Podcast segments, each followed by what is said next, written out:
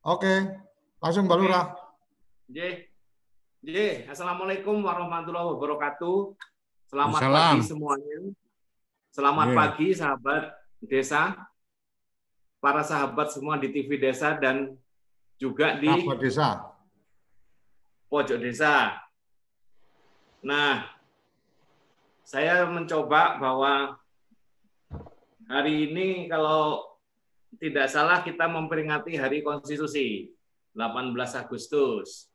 Nah, singkat cerita di pojok desa itu kita tergelitik sekali dengan persoalan kata desa. Kata desa yang sekarang di perubahan itu tidak tercantum, cuma di kalau nggak salah hanya di eh, penjelasan di pasal 18 yang di perubahan gitu. Nah ini sebetulnya maknanya sangat dalam sekali. Kalau dicerna sangat dalam karena persoalannya adalah begini. Persoalannya adalah bahwa pengakuan desa dalam konstitusi kita itu jadi agak kurang pas gitu loh. Karena persoalannya saya jadi ngikutin apa tafsirnya dari Pak Guru Storoeko bahwa dia hanya ditempatkan sebagai sebuah organisasi kemasyarakatan, bukan bagian dari pemerintahan ketiga atau eh, pemerintahan tersendiri gitu. Nah, hal-hal ini tentunya ketika kita mau bicara masalah-masalah desa yang berdaulat, yang mengatur dirinya sendiri itu terkendala gitu. Dan selalu jadi satu desa ke depannya selalu jadi objek saja gitu. Mungkin seperti itu masuknya pemikiran-pemikiran yang awal yang muncul gitu loh. Nah, barangkali untuk mengupas yang lebih detail, lebih mendalam, eh, di sini sudah hadir Pak Sutoro Eko, eh, dari Sekolah Tinggi Pembangunan APMD di Jogja, Bung, juga Pak Joko, Buku, dari peneliti Kemendes, bergabung, monggo eh, kita mencoba mendengarkan dari eh, paparan guru desa Pak Storoeko. Ngaten, kurang lebih gitu Pak Suryo. Silahkan Pak Storoeko. Nggih, langsung niki. Kedengaran kan? Dengar, dengar. Oke. Suara saya terdengar? Nggih, Pak Lurah. Terdengar, terdengar. Ono Pak Langsung, Lurah kawi ono. Hah? Nggih. Ono Pak Lurah kawi ono Pak Lurah hori kuwi. Lurah Mojok, Lurah Mojok niki. Lurah Mojok. Lurah Mojo. Nggih. Assalamualaikum warahmatullahi wabarakatuh. Waalaikumsalam warahmatullahi wabarakatuh. Nggih, para sahabat, termasuk sahabat kelompok pencapir. Masih ingat kelompok pencapir mboten? Jadi jadi konangan umure nek kelingan kelem mencapir. Nggih, kelompok pencapir. Sekarang saya hidupan kelompok pencapir itu. Ya, sebenarnya gini, capek tahun. Nggih. tahun 2001 sahabat Yando Zakaria mengatakan begini. Otonomi desa itu menguat di gerakan tapi melemah di konstitusi. Poinnya di situ. Pada waktu itu luar biasa. Justru tahun 2001 itu gelombang asosiasi desa itu luar biasa. Dengan nama yang berbeda-beda ya, tetapi intinya mereka menyuarakan otonomi yang lebih besar. Banyak hal yang misalnya frasa atau kalimat yang disampaikan. Kami ini lebih banyak menerima kewajiban daripada kewenangan. Kalau mata air diambil oleh pemerintah, kalau air mata diberikan pada desa. Misalnya, jadi banyak kalimat yang itu muncul di mana-mana, bahkan tahun 2003 itu Saya datang di Mataram itu suaranya juga sangat sangat nyaring. Dan gerakan-gerakan itu ada yang pertama begini, melawan atau menantang kebijakan kabupaten yang tidak berpihak pada desa. Diperjuangkan oleh asosiasi. Kemudian yang kedua, dalam perjalanannya mereka menuntut alokasi dana desa. Pokoknya menuntut uang lah. Alokasi dana desa yang kita kenal pada tahun 2005 itu sebenarnya sudah dimulai tahun-tahun sebelumnya itu melalui proses negosiasi antara desa dengan kabupaten. Misalnya yang paling awal itu ada Kabupaten Solo misalnya. Kemudian ada tahun 2002 ada Kabupaten di Jawa Timur itu di eh, Tuban dan sebagainya ada ada beberapa ya. Purworejo itu termasuk terlambat tahun 2006 baru datang. Di Kebumen termasuk cepat, meskipun namanya berbeda-beda. Dan kemudian itu pengalaman itu dijadikan sebagai kebijakan eh, dana desa dalam tahun 2005 ya, terutama secara eksplisit dalam peraturan pemerintah nomor 72 tahun 2005.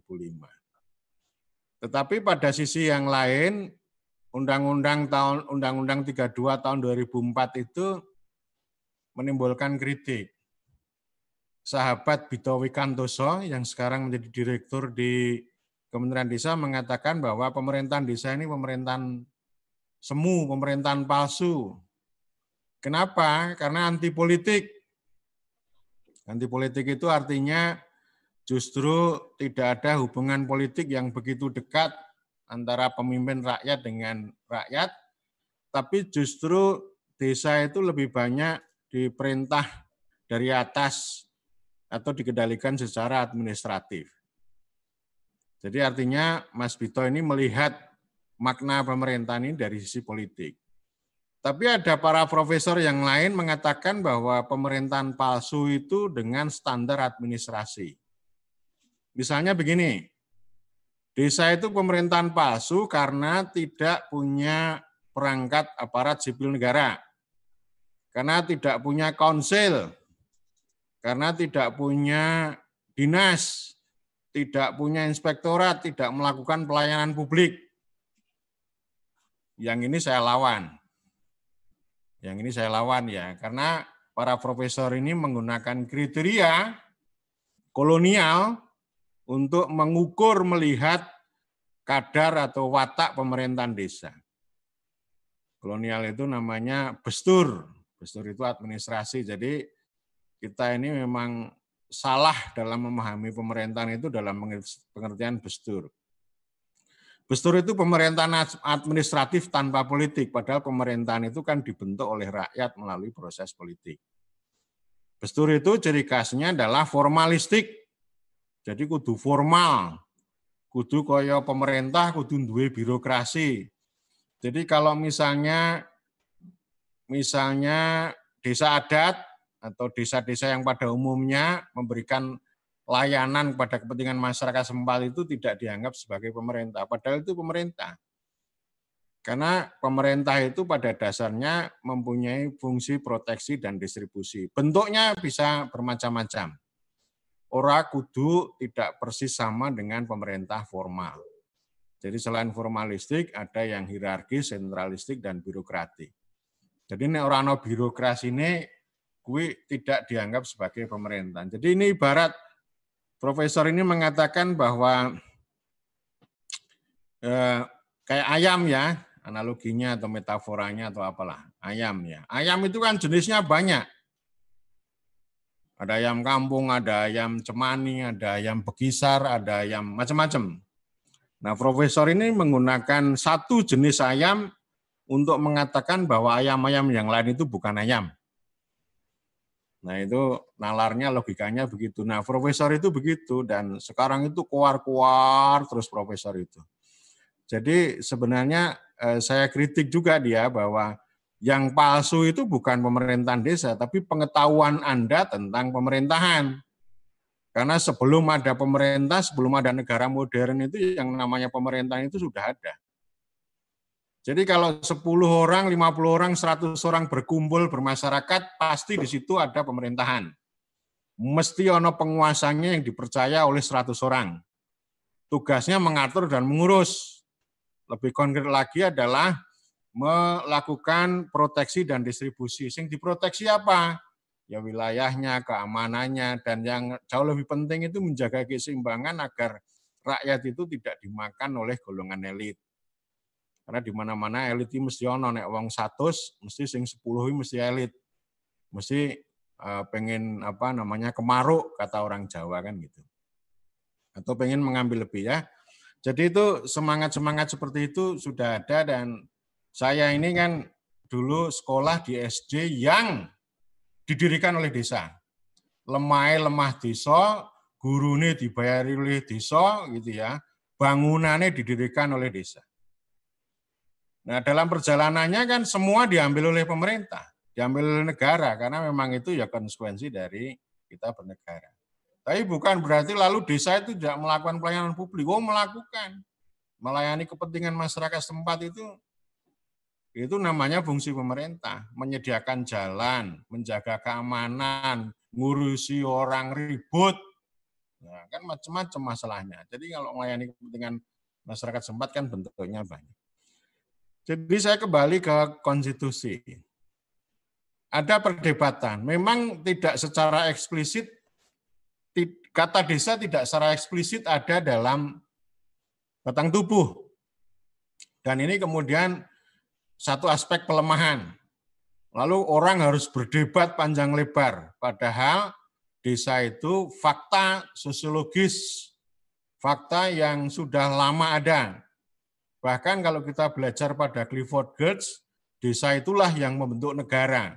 Jadi bukan hanya umurnya yang lebih tua daripada negara, tapi pengalaman kerajaan-kerajaan baik kecil maupun besar sejak zaman Mataram kuno itu dibentuk oleh desa diberi makan oleh desa.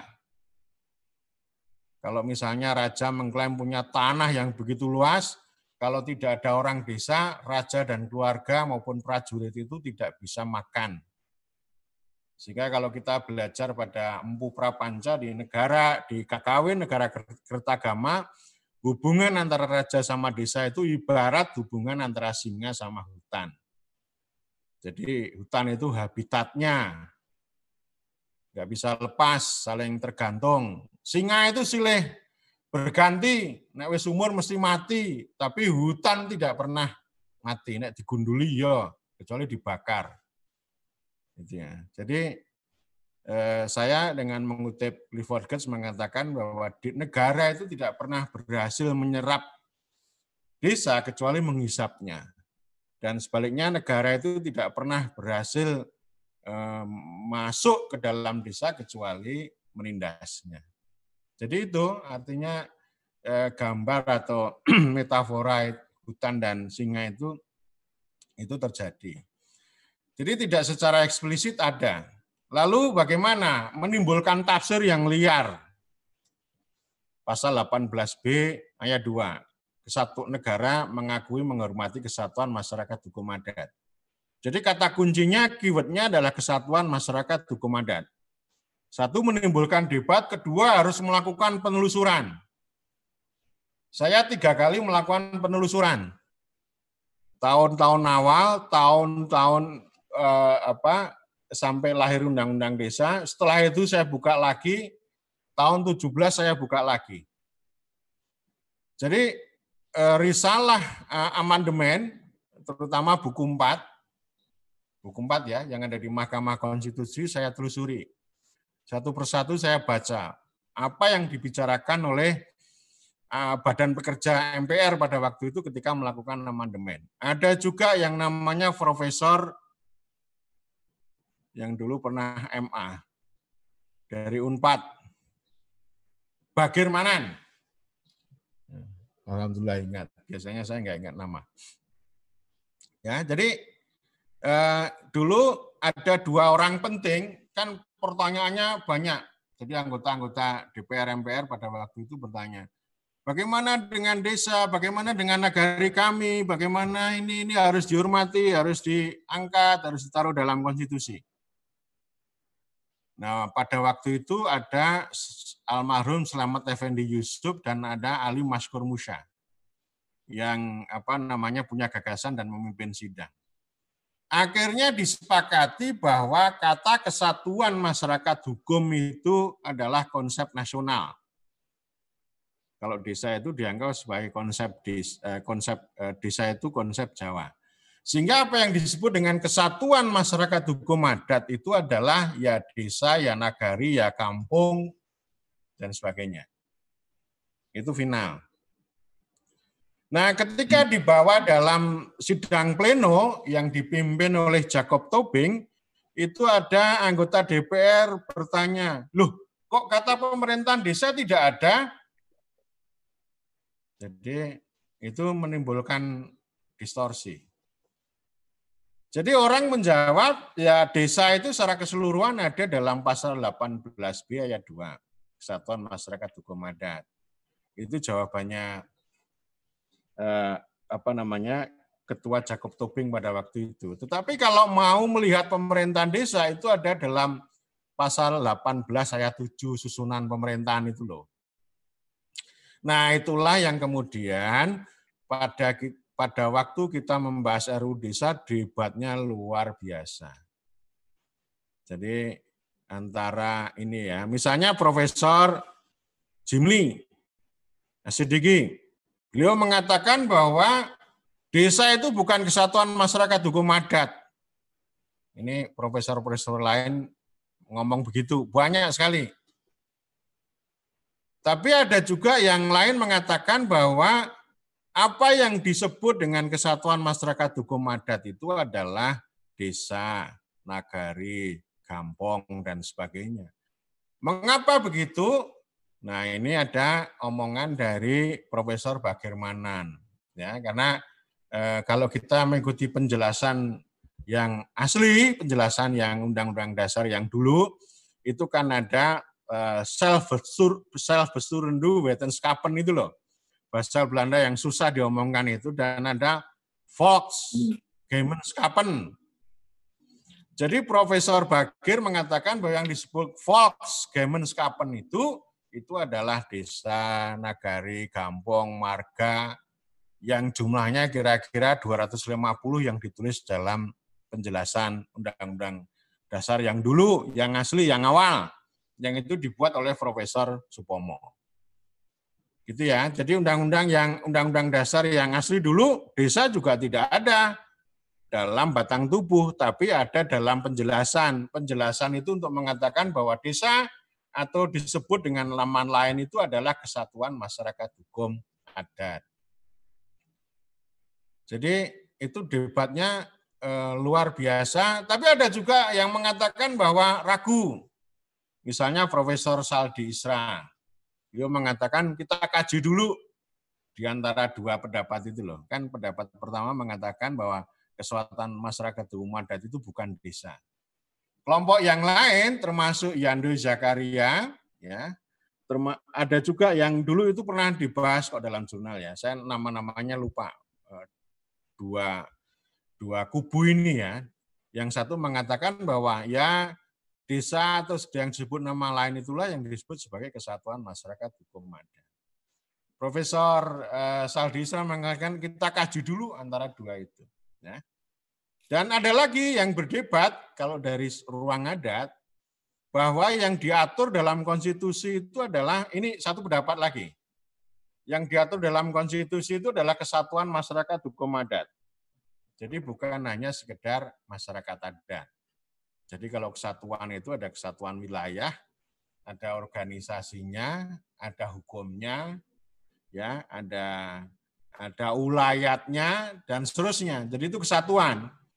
Jadi berbeda dengan yang eh, masyarakat adat yang sifatnya genealogis. Misalnya eh, simbolon.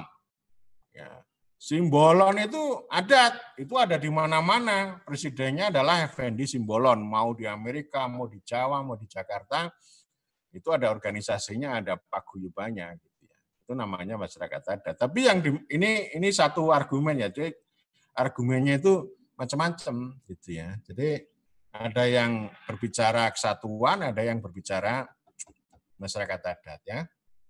Jadi saya menelusuri sampai tiga kali membaca itu, membaca uh, buku empat, buku empat ya, buku empat ya. Mohon maaf, buku empat di naskah uh, amandemen risalah ya, yang itu ada di dalam kita bisa unduh di Mahkamah Konstitusi. Ya. Nah, oleh karena itu kan begini, Undang-undang dasar kan tidak memberikan penjelasan. Lalu bagaimana penjelasan dan elaborasinya? Ya itulah undang-undang. Undang-undang desa itu memperjelas kalau di dalam konstitusi tidak disebut nama desa, maka undang-undang desa itu lahir. Itu yang kemudian mengelaborasi, menjelaskan apa yang disebut dengan desa. Yang diacu adalah pasal 18B ayat 2. Dulu berdebat antara presiden dan pemerintah. Antar, mohon maaf, antara DPR dan pemerintah. DPR itu mengikuti pasal 18B ayat 2. Pemerintah mengikuti pasal 18 ayat 7. Yang satu berbicara tentang kesatuan masyarakat hukum adat, yang satu berbicara tentang susunan pemerintahan. Sehingga ini ada dua. Lalu akhirnya kompromi. Komprominya namanya hibrid Ya, yang satu yang ada disebut sebagai self governing community, yang satu local self government. Yang itu ada dalam penjelasan undang-undang desa. Gitu ya. Jadi istilah itu dipakai istilah self eh, dua kata itu dan itu lebih apa namanya untuk menghindari daripada kita menggunakan kata bahasa Belanda yang susah ya kita pakai ini ya. Jadi self-governing community ini adalah masyarakat yang berpemerintahan. Masyarakat yang mempunyai pemerintahan sendiri, yang bentuk mereka sendiri. Yang itu kemudian diikuti dengan rekognisi.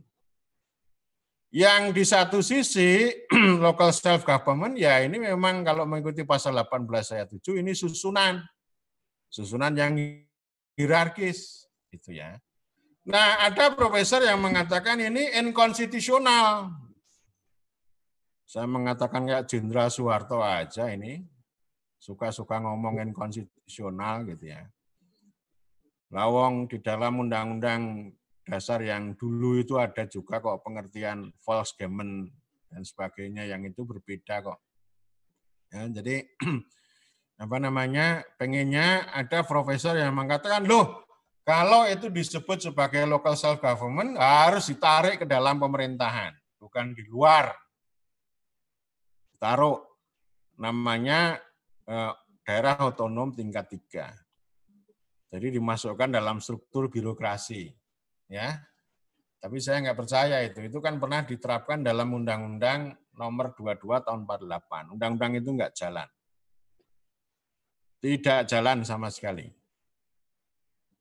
Sebelumnya tahun 46 itu ada percobaan di Jogja. Ya artinya begini, ada karakter local self government, ada karakter self government juga. Jadi tahun 46 sampai 48 di DIY itu yang pada waktu itu adalah HB 9, tapi arsitek arsiteknya namanya Profesor uh, waktu itu as, asisten ya uh, Sekpri uh, Selo Sumarjan yang kemudian menjadi Bapak Sosiologi ya. Jadi dirancang. Ya bukan PNS, rangkanya kemudian bukan dinas yang formal yang formal gitu, tetap self governing community tetapi mempunyai fungsi-fungsi eh, local government. Misalnya apa? Yang ngurus sekolah, ngurus tanah dan sebagainya. Kemudian ada praktek demokrasi yang modern juga yang ada di sana, gitu ya. Jadi itu bisa kita baca buku eh, buku lama ya, tetapi kadang-kadang penting untuk kita buka kembali bukunya Sela Sumarjan Perubahan Sosial di Yogyakarta. Beliau cerita itu di situ, termasuk desa itu mengurusi irigasi, mendirikan sekolah, ya jadi orang-orang yang bisa calistung, baca tulis hitung di situ dijadikan guru, dibayari oleh desa. Ini ini pengalamannya eh, panjang seperti itu dan pada tahun 56 eh, Selo Sumarjan mengatakan bahwa ini ya, beliau mengkritik, ini orang debat terus tentang kedudukan hukum, kedudukan hukum desa. Tapi semakin orang ribut dengan kedudukan hukum itu akan kelihatan bahwa pemerintah tidak punya sikap politik terhadap desa. Jadi itu uh, Selo Sumarjan gitu. Jadi sikap politik pemerintah terhadap desa itu apa kalau orang berdebat mengenai apa uh, konstitusi itu dan itu diulang kembali pada tahun 92 2001. Beliau uh, apa kondur tahun 2003. Tahun 2001 itu sempat bicara dengan saya. Pas datang ke Jogja saya nemui Lalu saya ngobrol panjang sama beliau. Jadi intinya itu. Jadi desa itu nomor satu itu bagaimana sikap pemerintah. Sikap politik pemerintah mau dibuat apa. Jadi kalau mutar-muter, mutar-muter menafsirkan dalam konstitusi itu tidak akan ada habisnya. Nah, undang-undang desa harus kita maknai sebagai keputusan politik yang menafsirkan gitu ya. Tapi realitas nomor satu, realitas ya, realitas desa yang gerakan dan sebagainya. Gitu ya. Jadi maksud saya ya begini, memang ada dua usulan. Yang pertama perlu rekonstitusi. Rekonstitusi itu ya artinya konstitusi dibicarakan kembali lah maknanya antara lain begitu. Jadi perlu ditegaskan misalnya di dalam batang tubuh desa atau nama lain misalnya. Misalnya ini ya. Yang kedua ya nggak usah opsi kedua. Wong undang-undang desa udah menjabarkan kok Undang-undang desa sudah posisinya sudah menjabarkan meskipun orang lain mengatakan itu sesat. Hmm. Ada profesor mengatakan itu sesat. Itu inkonstitusional, itu Profesor Rabun itu. Rabun Senja itu. Jadi dia suka menuduh kolonial padahal pengetahuannya kolonial. Ini sangat kolonial sebenarnya ya. Mengukur pemerintahan supaya pemerintahan modern tapi sebenarnya pengetahuan pemerintahan yang dia punya itu warisan dari Binenlen Bestur. Binenlen Bestur itu warisan kolonial ya. Jadi hmm. eh, kalau apa namanya kalau ada orang mengatakan kolonialisme tanpa tanpa studi tentang post kolonialisme tanpa membaca buku orientalisme itu pengetahuannya pasti dangkal ya jadi apalagi mengatakan bahwa desa itu nggak punya peran hanya penagih pajak ya. Memang begini ya.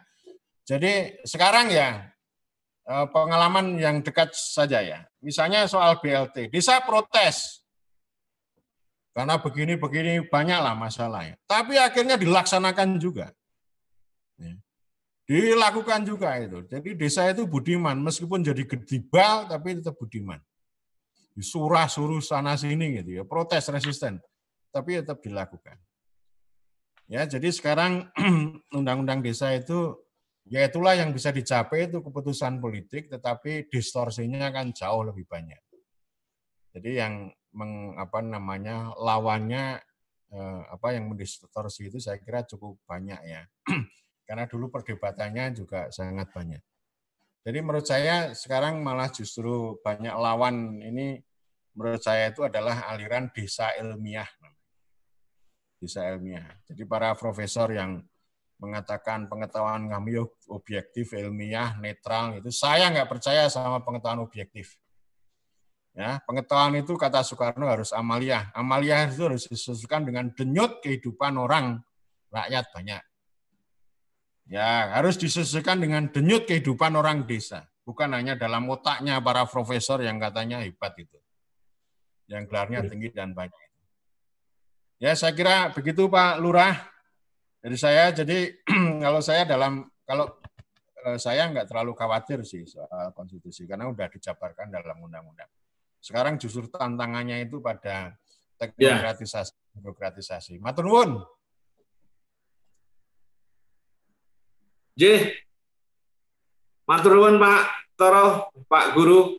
Ini mungkin langsung saya buka aja untuk teman-teman yang ingin bertanya. Monggo yang mau bertanya, mungkin tiga orang dulu, silahkan. Mas Laude. Halo? Silakan. Langsung. Halo, Pak Laude.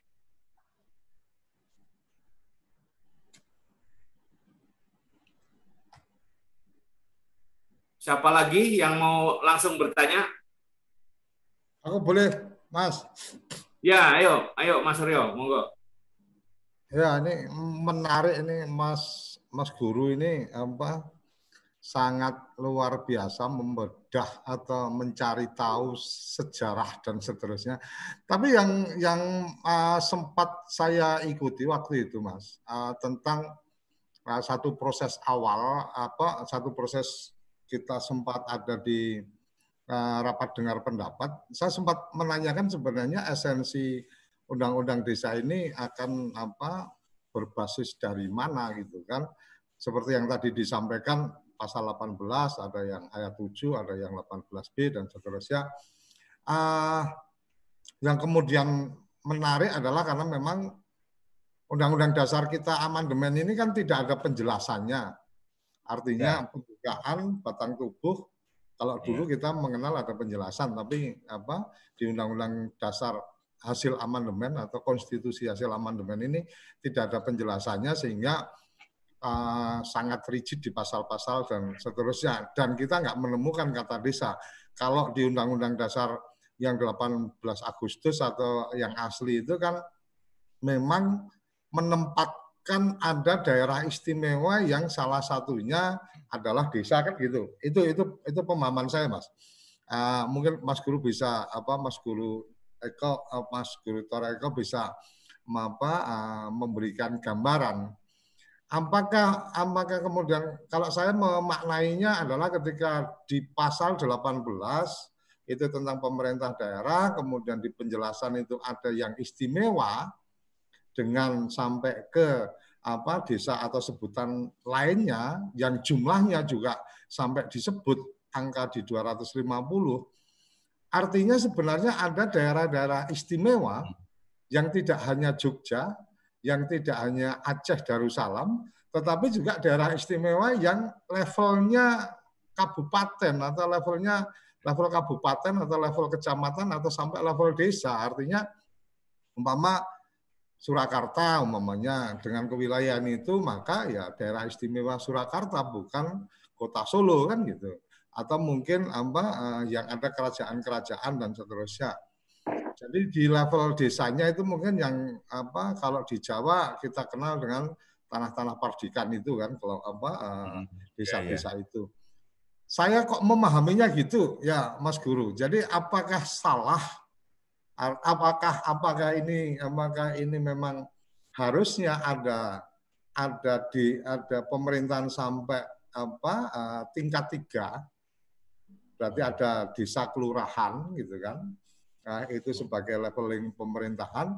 Atau memang karena memang kita hanya mengenal sampai di tingkat dua maka yang di tingkat tiga ini kemudian uh, dirumuskan menjadi undang-undang desa itu dengan asumsi bahwa kemudian uh, pengakuan apa satuan hukum ada pengakuan ada desa-desa ada dan seterusnya masuk di situ tapi saya melihat itu juga nggak cukup bisa berjalan untuk kemudian uh, memang benar-benar mengakui apa uh, satuan wilayah terkecil hmm. dengan keistimewaan versi Undang-Undang Dasar yang asli. Hmm.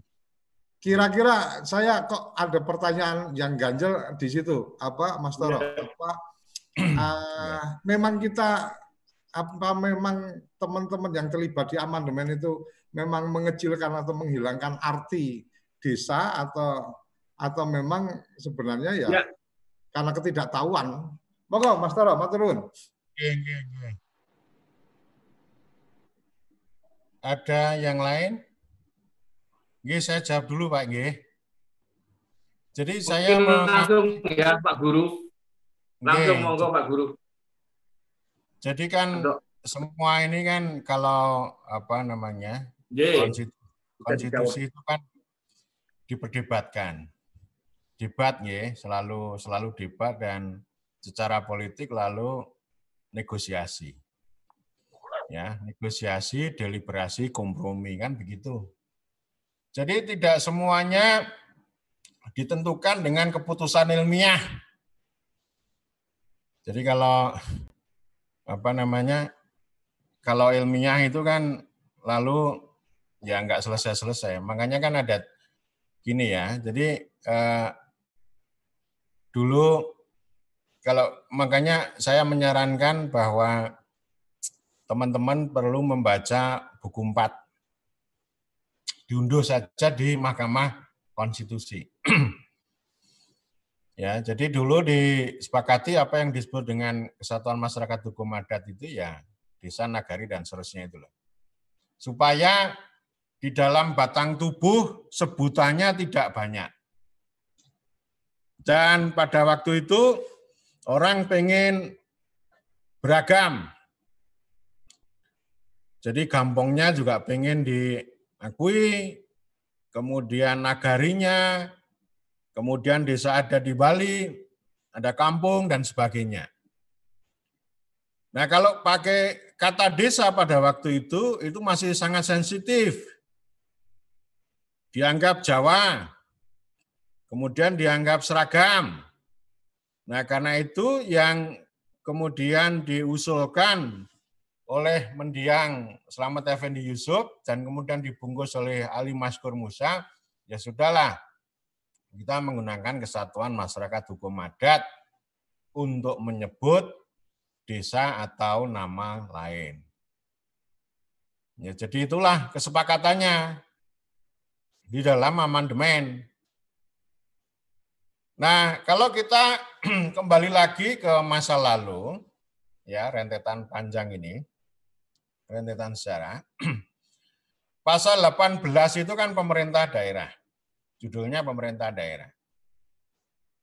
Kalau secara umum, secara generik, ya pemerintah daerah itu asasnya tiga, otonomi, dekonsentrasi, dan tugas pembantuan. Jadi ini identik dengan apa namanya kalau dulu namanya daerah tingkat satu dan daerah tingkat dua.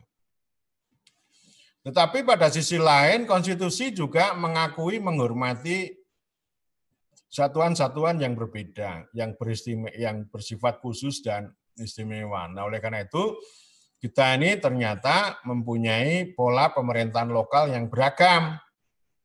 Kalau orang sekarang mengatakan desentralisasi asimetris. Kemudian ada pada sampai pada tingkat desa. Jadi desa itu bisa juga dimaknai sebagai pemerintahan yang khusus, yang istimewa. Kalau yang istimewa artinya tidak generik, tidak sama.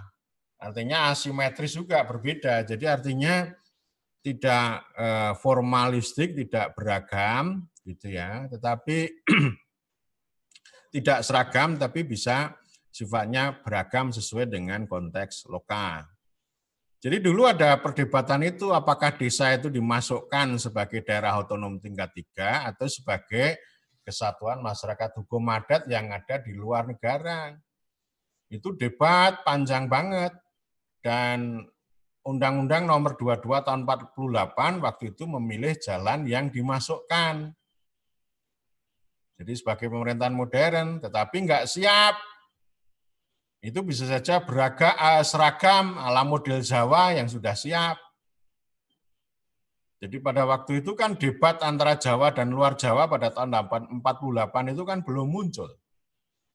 Jadi kepekaan, sensitivitas, kemudian resistensi luar Jawa yang menentang penyeragaman itu kan pada masa Orde Baru pada masa itu nggak muncul, tapi undang-undang tidak jalan dengan baik. Ya, oleh karena itu, kalau dalam hal ini eh, saya lebih sepakat seperti Profesor Selo Sumarjan. Sikap politik pemerintah itu nomor satu itu. Kemudian baru dicarikan cantolan di dalam konstitusi. Bukan berarti melanggar konstitusi karena apa yang ada dalam konstitusi itu debatnya luar biasa. Jadi sama ketika menyusun undang-undang desa itu ada aliran legal formal.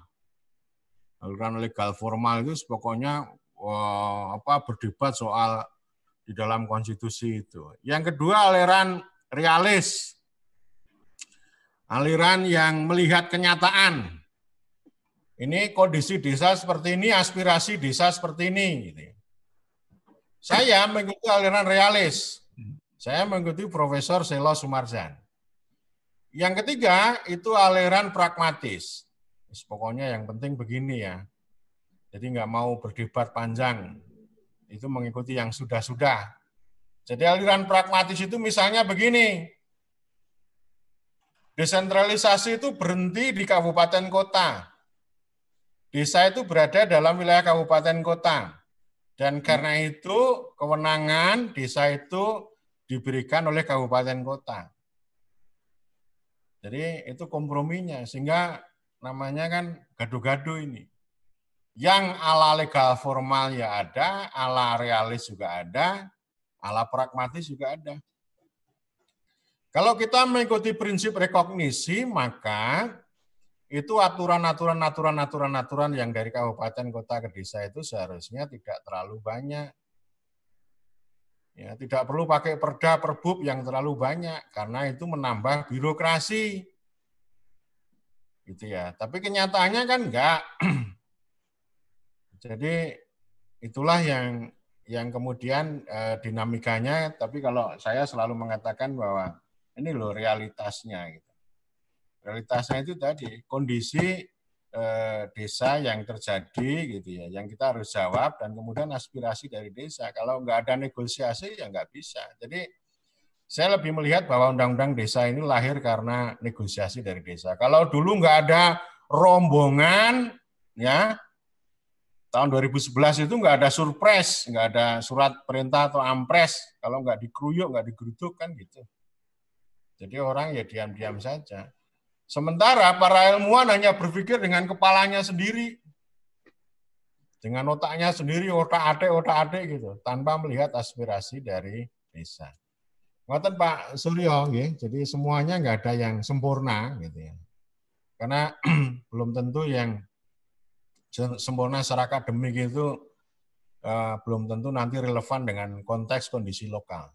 Ya. Sebaliknya kan artinya, kan artinya kita tidak perlu risau dengan konstitusi kita yang memang tidak ada istilah kata desa karena memang dari hmm. perdebatan itu uh, di proses konstitusi itu kemudian kata desa itu di uh, dimaknai atau hmm. di dikeluarkan kalimat yang tadi disampaikan tentang apa uh, satuan masyarakat hukum itu. Itu makanya tadi saya menyampaikan dua opsi. Opsi yang pertama rekonstitusi. Hmm. Rekonstitusi itu maksud saya begini, bahwa para asosiasi desa silakan berjuang. Supaya hmm. apa? Supaya kata kata desa atau dengan sebutan lain itu masuk secara eksplisit dalam batang tubuh supaya hmm. orang itu tidak berdebat Ya. Nanti tentu saja itu didefinisikan secara singkat desa atau yang disebut dengan nama lain itu apa, gitu ya. Jadi hmm. tidak menimbulkan ini. Makanya ini usulan usulan pertama saya, Pak. Jadi kalau misalnya DPD juga usul begini-begini punya kewenangan yang lebih banyak itu kan proses representasi, proses aspirasi dan nanti akan ada proses negosiasi. Saya berharap desa juga bisa menempuh jalur itu. Yang hmm. kedua, opsi saya yang kedua ya ya kita mengikuti undang-undang desa itu. Karena itu sebenarnya adalah turunan dari pasal 18B ayat 2 dan pasal 18 ayat 7. Artinya kita juga mengikuti kehendak konstitusi gitu. Hmm. Itu Pak. Jadi opsi saya ya eh, dua itu. Tapi saya senang berarti, juga kalau misalnya opsi opsi yang pertama berarti agendanya amandemen, Mas. Loh lah iya kan itu sama itu. Kan sama hmm. dengan Eh, para pihak sekarang yang sedang berbicara GBHN. Yang kedua DPD bicara DPD ya. Jadi DPD itu ya kayak Senat di Amerika supaya kuat ya, misalnya gitu. Hmm. Yang ketiga poin ketiga kalau mau ditambah ya isu desa misalnya. Ya hmm. nggak apa-apa wong yang namanya amandemen konstitusi itu hal yang biasa kok. Di Amerika itu sampai perang saudara kok. Ya, sampai perang saudara sampai 5 tahun sampai lima tahun itu setelah sekian tahun kemudian. Jadi hal yang biasa karena karena kan begini ya. Jadi uh, ada hal jadi masyarakat kan berkembang secara dinamis ya, secara dinamis. Jadi bukan sesuatu yang kemudian ini ya. Jadi konstitusi penting harus dimuliakan, harus jadi harus dihormati, tetapi kalau ada hal-hal yang belum dimasukkan, ya bisa dimasukkan. Karena saya menganggap bahwa konstitusi itu bukan norma semata, bukan dogma, bukan mantra. Tetapi saya memahami bahwa konstitusi itu adalah eh, ideologi, politik, pengetahuan, dan norma. Ya, jadi jangan hanya melihat konstitusi hanya dari sisi norma, tetapi uh, ideologinya apa kan gitu. Kalau kita mau bicara desa ideologinya apa? Hmm. Ideologinya mau model gedibalisme atau model apa kan gitu. Mau memuliakan desa atau mau memperalat desa misalnya. kan gitu. Jadi memang harus dijelaskan kan. Di, harus apa, saya setuju. Harus ada penegasan ya, Mas Guru. Oh ya, harus ada penegasan. Jadi nomor satu itu sikap politik nomor saya. Sikap sikap politik apa pemerintah terhadap desa itu pemerintah dan parlemen. Pemerintahan. Nah. Sikap politik pemerintah, pemerintah dan parlemen. Itu Jadi, dari konstitusi. Eh, saya, dan... hmm. saya menyebut uh, sikap politik pemegang kedaulatan rakyat. Institusi pemegang kedaulatan penting. Jadi ilmuwan itu ya begitu-begitulah. Saya ilmuwan tapi tidak kemudian ilmuwan konyol apa namanya rabun kayak gitu ya. Jadi harus uh, nggak boleh legal formal, nggak boleh uh, mikir hanya otaknya sendiri kan gitu ya. Tapi harus melihat ilmu itu harus amaliah kan gitu. Hmm. Itu Pak Surya. Oke, Mas ini uh, Mas Guru ini di di YouTube juga beberapa sudah masuk apa? Saya nggak bisa lihat YouTube gimana caranya? Ya, enggak enggak. Uh, biar biar saya bantu bacakan aja. Ada oh, ada Mas Heri Herianto ini pelayanan sekarang terbuka dan transparan cuma di bawahnya kinerja masih kurang. Ada juga hmm. dari Michael Excel, Ma Makilo Makiko Excel. Desa masih menerima aliran dana desa tidak dengan undang-undang desa hari ini masih di MK-kan. Saya nggak terlalu mengikuti yang di, sedang di MK-kan, tetapi uh, mungkin ini lebih pada bicara dana desa. Menarik yang tadi di awal sebelum kita buka itu tadi uh, Mas Guru menyampaikan bahwa pemaknaan undang-undang desa ini terus ketemunya mau memaknai duitnya dana desa ngono tok iki yang ya, ya, ya, ya. yang ya, yang ya. mungkin ini salah satunya terus meng-MK-kan urusan ya. apa uh, pasal dari apa uh, 72 atau berapa yang bahwa itu kemudian apa uh, tidak diberlakukan lagi ya, terus nek nomor dana desa berarti inkonstitusional atau melanggar undang-undang dan seterusnya. Mas Guru, uh, Undang-undang desa harapannya waktu dibikin saya yakin sama seperti yang kita kerjakan di TV desa yaitu semangatnya memuliakan desa gitu kan. Cuma kemudian uh, sepertinya teman-teman itu hanya melihat dana desa aja. Yang lain itu kayaknya nggak terlalu menjadi perhatian tentang bagaimana bagaimana penguatan badan usaha desanya, bagaimana apa uh, pe, apa distribusi kewenangan yang dari kabupaten dan seterusnya. Sebenarnya ada apa ini Mas Guru? Ini kayaknya kalau ngobrolin yang konstitusi kayaknya sudah sudah hampir selesai bahwa ada agenda kalau memang kita sepakat ya ya ayo kita apa bicara ke MPR karena yang punya hak untuk melakukan amandemen kan MPR untuk memasukkan kata desa dan sebutan lainnya.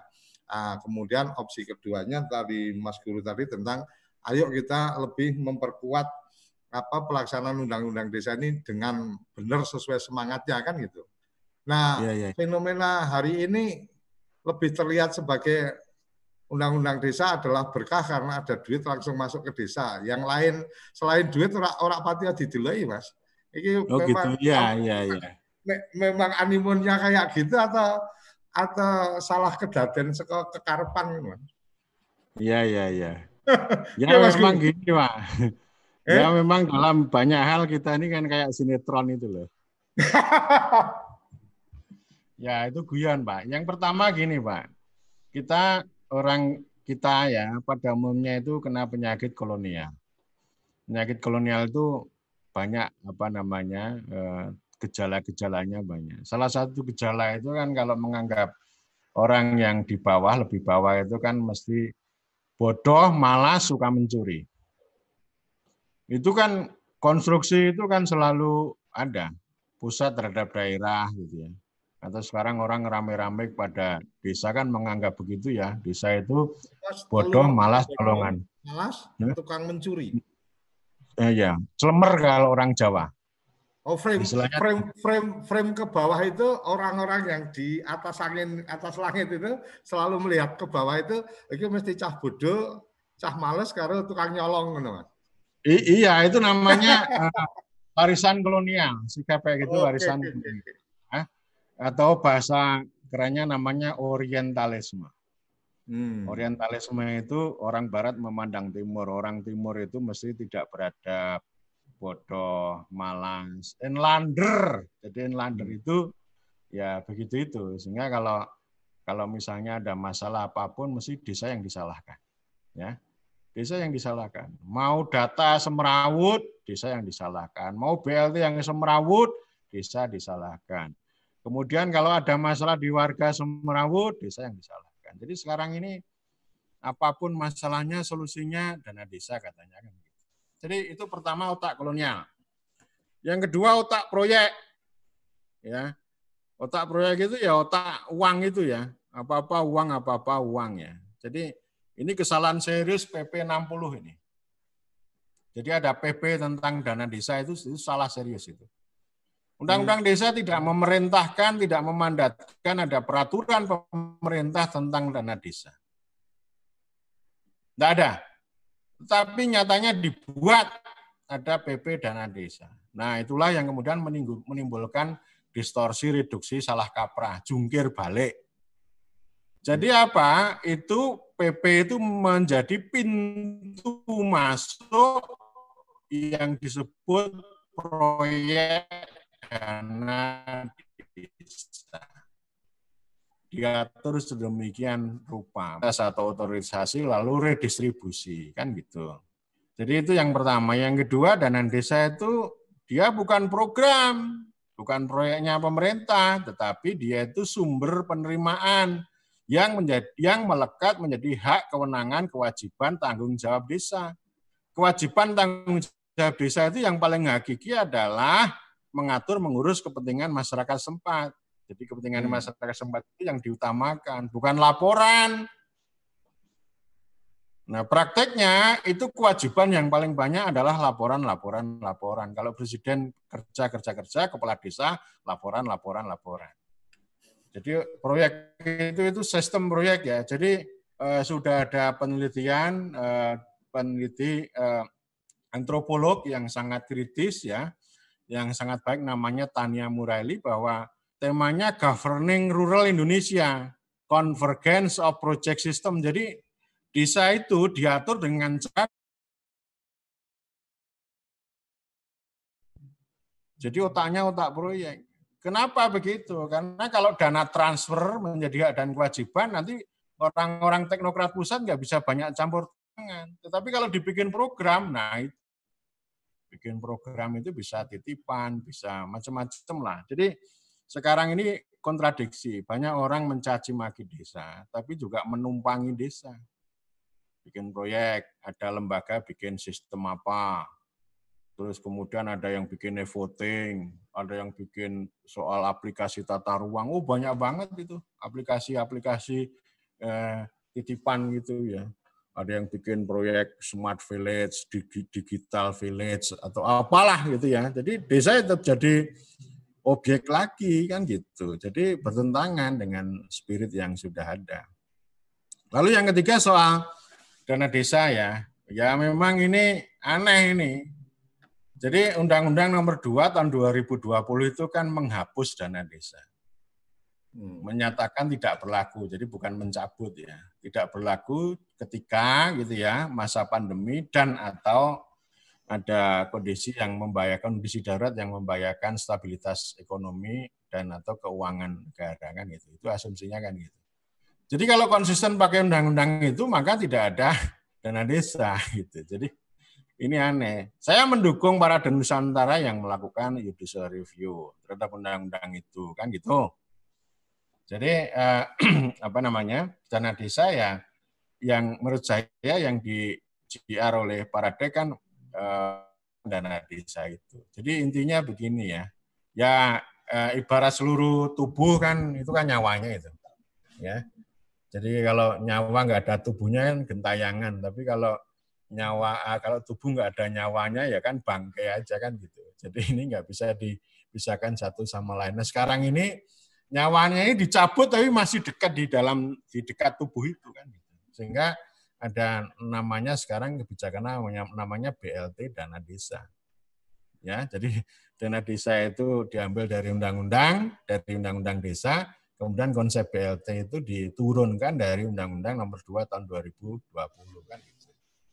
Jadi ya itulah yang yang terjadi. Jadi salah kaprah itu terus menerus dikelola. Padahal orang kita ini ya orang-orang pinter, orang sekolahnya di mana-mana. Tapi kok ya apa namanya mikirnya kacau gitu loh. Jadi nalarnya itu kacau balau. Gitu Pak Suryo.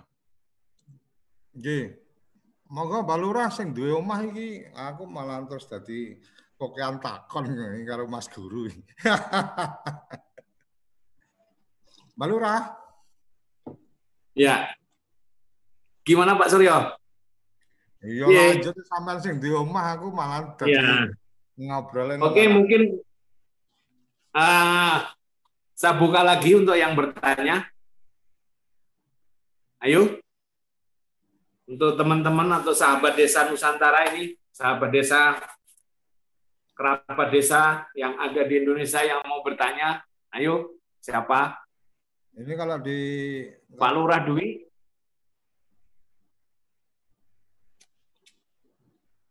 masih ada yang ingin bertanya? Ya, belum ada di chat. Mas Suryo. Ya. Halo. Yo, monggo. Pak Suryo. Ya. Kelihatannya nggak ada yang bertanya lagi nih. Ya. Ini, nggak ada yang bertanya lagi kelihatannya. Di, di channel YouTube ada, Mas penguatan dalam hal kewenangan pemerintah desa selama ini masih rancu dan bias karena dalam implementasi masih mengandalkan instruksi struktural sebagai contoh pengelolaan keuangan desa. Jadi satu sisi ketika kita bicara berharap apa eh, undang-undang desa ini memberikan ruang yang cukup untuk desa punya kewenangan, tetapi ternyata ketika dilemparkan kewenangannya pun itu juga ketika mau menjalankan nunggu instruksi. Ini janjane problematikanya jadi tumpuk undung ya, Mas Guru? Ya itu ya. Itu makanya kan perlu dekolonisasi itu lah.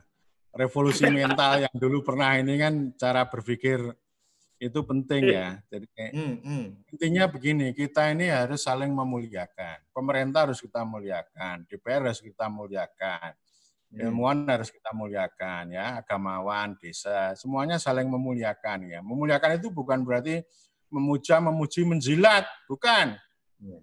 ya tapi biasa kritik kita. Mas. Ya? Nggak menjilat nih saya gila nih ya gitu loh. Jadi memuliakan ini penting. Jadi kita menempatkan istilahnya memanusiakan manusia ya. Jadi kalau memandang manusia jangan jangan menggunakan perspektif malaikat. Nanti nggak ketemu kan gitu. Ya. Dan ya. kita ini kan e, mengejek orang lain itu seakan-akan dirinya itu adalah malaikat gitu. Yang paling hmm. benar banyak ilmuwan yang mengatakan paling benar jadi kalau saya tadi cerewet itu sebenarnya saya sedang mengkritik orang-orang yang menganggap e, dia yang paling benar enggak ini ada fenomena yang sangat beragam, sangat uh, kontekstual kan gitu ya. Jadi artinya eh, apa namanya kita mengikuti cara berpikir Soekarno ya. Jadi ilmu yang amaliyah, amal yang ilmiah. Jadi supaya ilmu itu berguna bagi konteks, bagi dunia lokal, bagi kehidupan orang banyak. Nah eh, kita tetap ilmiah supaya tidak ngawur gitu. Nah kan banyak orang mengatakan bahwa subsidiaritas rekognisi itu asas apa itu tidak ilmiah loh loh loh loh. Hmm. Kok tidak ilmiah sih?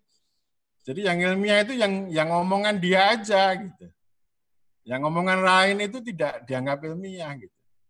Jadi maksud saya ini eh, apa namanya penting ya kayak gini nih, saling memuliakan lah, saling percaya. Kalau kita nggak punya kepercayaan, maka nggak akan ada perubahan. Jadi kalaupun ada proyek dana desa yang terus menerus dana mengalir itu hanya akan jadi istana pasir, Pak.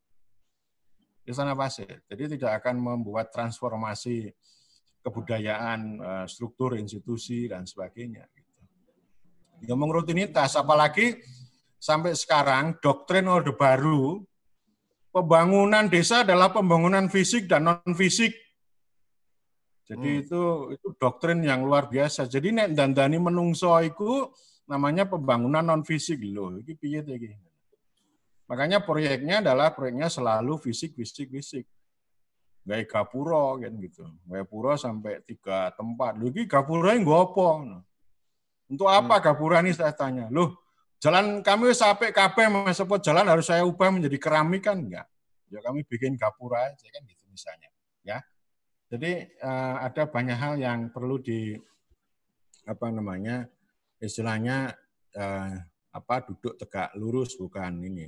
Duduk tegak lurus itu bukan berarti terlalu ilmiah seperti yang dipikirkan apa namanya uh, para profesor kan gitu. Jadi termasuk yang disampaikan oleh presiden ya Kepala desa tidak banyak ngurus rakyat, tapi banyak ngurus laporan. Ini kan penting ini, jadi harus dikonkretkan itu. Beliau berkali-kali mengatakan bahwa regulasi itu hambatan. Tapi kan susah ini, nggak berubah-ubah juga ini. Kalau mau bikin regulasi itu adalah orang berbuih-buih, apa namanya merasa yang paling benar akhirnya ya jadinya kayak gitu ya. Ini sekali lagi ini formula orang-orang yang berpikir terlalu ilmiah, berpikir terlalu banyak aturan itu niatnya baik, caranya keliru, hasilnya gagal, dampaknya buruk. Pun itu pun formula nih. Per, anu permulaannya apa men mas? Niatnya baik. Nah, niatnya baik, caranya keliru, hasilnya gagal, dampaknya buruk. Itu, itu formula formula yang terlalu ilmiah gitu ya. Mas, Mas Iwan silakan dikutip Mas Iwan. Ya. Mas Iwan mau nanya enggak? Mas Iwan Sulasmo. Mas Iwan. Desa Pedia. Kita buka Mas Iwan silakan. Ayo Mas Iwan. Apa yang mau ditanya? Bro? Sudah kita unmute dari sini Mas. Ya nanti Mas Iwan biar mewawancari saya secara langsung aja. Nanti tak kasih waktu. ada ada kerabat lain yang mau kerabat desa yang lain yang mau tanya?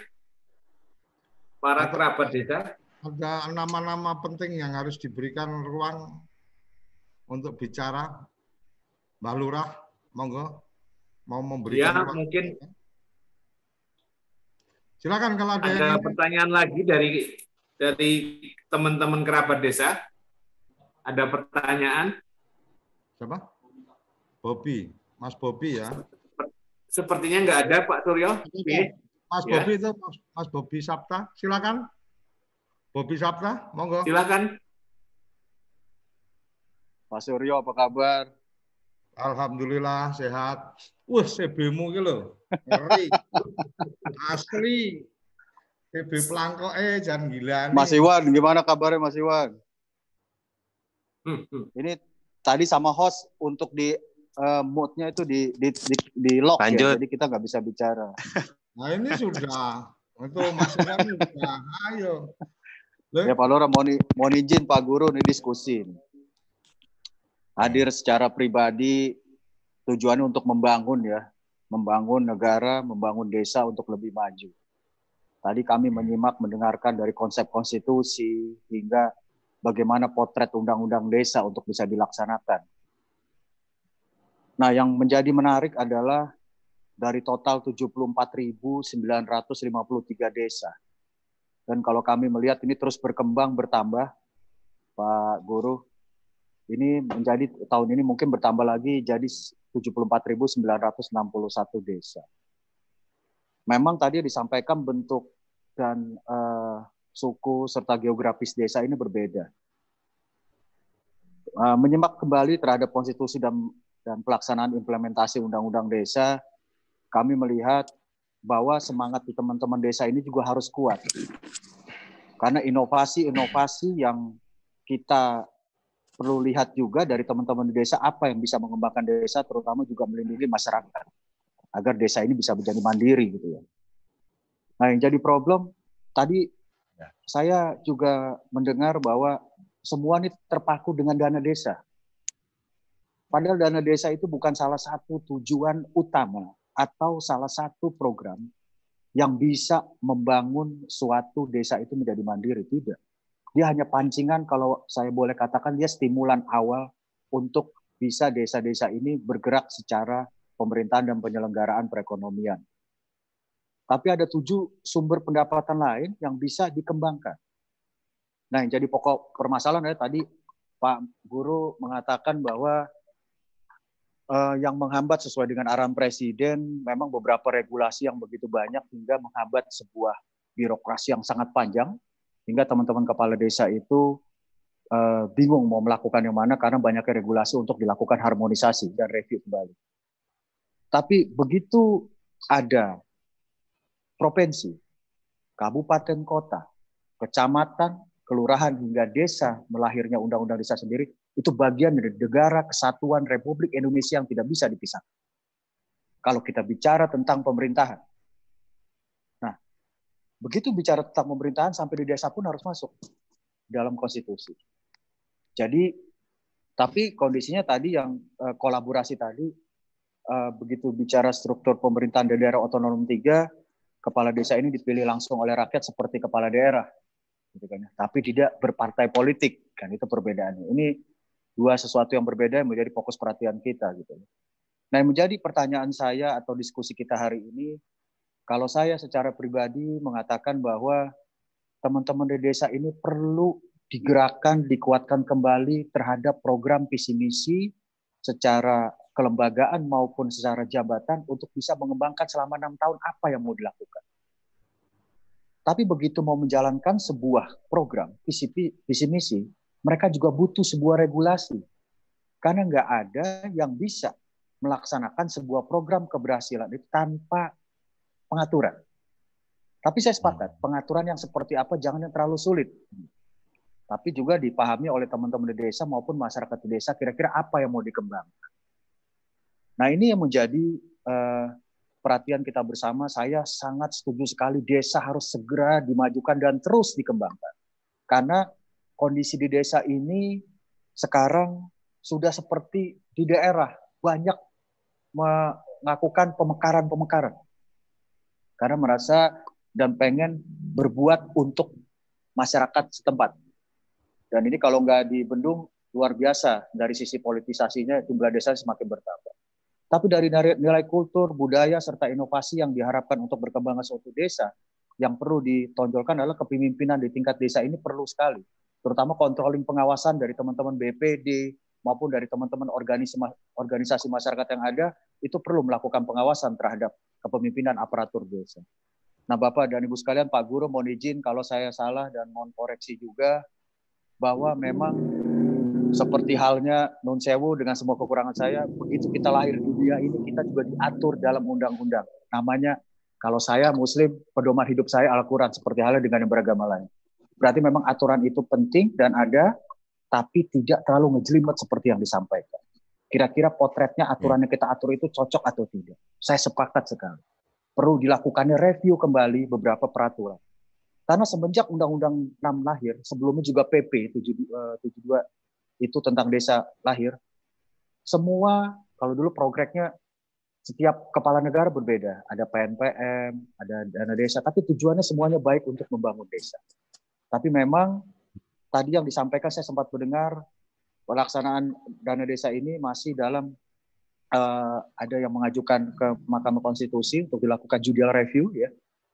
Memang harusnya yang untuk dana desa sekarang kita melakukan uh, evaluasi dan review terhadap jumlah penduduk dan jumlah wilayah. Dan untuk saat ini masih dilakukan perbaikan-perbaikan terhadap sistem administrasi yang ada agar supaya potret di desa ini dan pemberian dana desanya itu sesuai dengan kebutuhan dan jumlah masyarakat serta wilayah.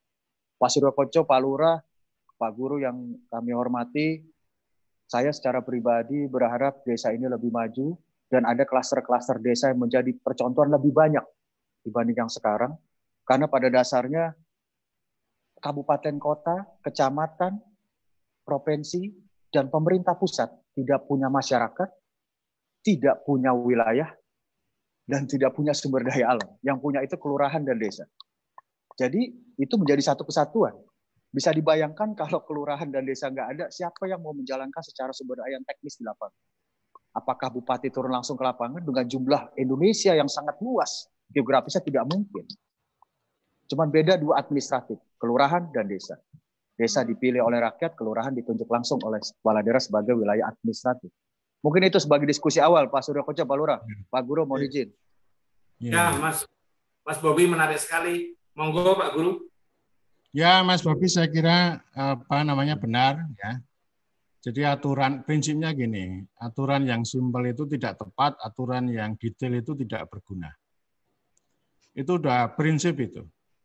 Jadi eh, kita harus punya aturan karena di mana pun kalau misalnya masyarakat adat pun itu juga punya aturan karena aturan itu kan itu keputusan politik di antara para pihak yang ada di situ untuk mengatur mengurus kehidupannya sendiri ya. Jadi eh, artinya kalau nggak ada aturan itu kan aturan itu kan maksudnya begini untuk memberikan ekspresi bagi tindakan orang bahwa tindakan orang itu lalu legitimate dan legal kan gitu. Dan yang kedua aturan itu digunakan untuk mencegah hukum rimba supaya nggak ada hukum rimba. Jadi istilahnya begini itu kan hukum. Hukum itu adalah eh, otot besar pemerintah. Kalau pemerintah nggak punya hukum, ya berarti nggak punya otot kan gitu. Tapi ototnya jangan terlalu banyak, masuk seluruh tubuh otot semua kan gitu. Jadi itu tadi ya, yang prinsip yang simpel tidak tepat, yang detail tidak berguna. Itu sama dengan prinsip orang dalam tradisi Jawa itu desa mawacoro negara mawatoto ya. Desa memiliki cara, negara itu memiliki aturan. Jadi negara membuat aturan. Aturan itu yang paling penting ini sikap tentang bagaimana tujuan ya. Tujuan kehendak yaitu politik itu. Desa itu mau dibuat apa? Yang kemudian yang kedua eh, cara. Jadi setelah tujuan kan ada caranya. Cara caranya jangan terlalu detail. Kalau terlalu detail, nah itu repot. Sama juga dengan begini prinsipnya dengan BLT dan sebagainya itu pemerintah menetapkan tujuan sama rambu-rambu. Jadi prinsipnya kayak sepak bola. Setiap orang, setiap pemain bebas melakukan apa pun kecuali yang dilarang. Jadi larangannya satu, dua, tiga, sedikit aja, nggak usah banyak-banyak. Nah, lalu kewajibannya jangan terlalu banyak. Nanti kalau terlalu banyak akhirnya membatasi apa namanya, membatasi eh, gerak-gerik, membatasi diskresi. Jadi saya punya kepercayaan begini, kalau pemerintah memberikan kekuasaan pada subjek, maka subjek itu akan mencari pengetahuan untuk menjalankan kekuasaan itu. Tetapi kalau pemerintah itu memberikan eh, pengetahuan, memberikan aturan yang terlalu detail tanpa kewenangan itu akan menimbulkan ketidakpedulian. Itu sudah rumus.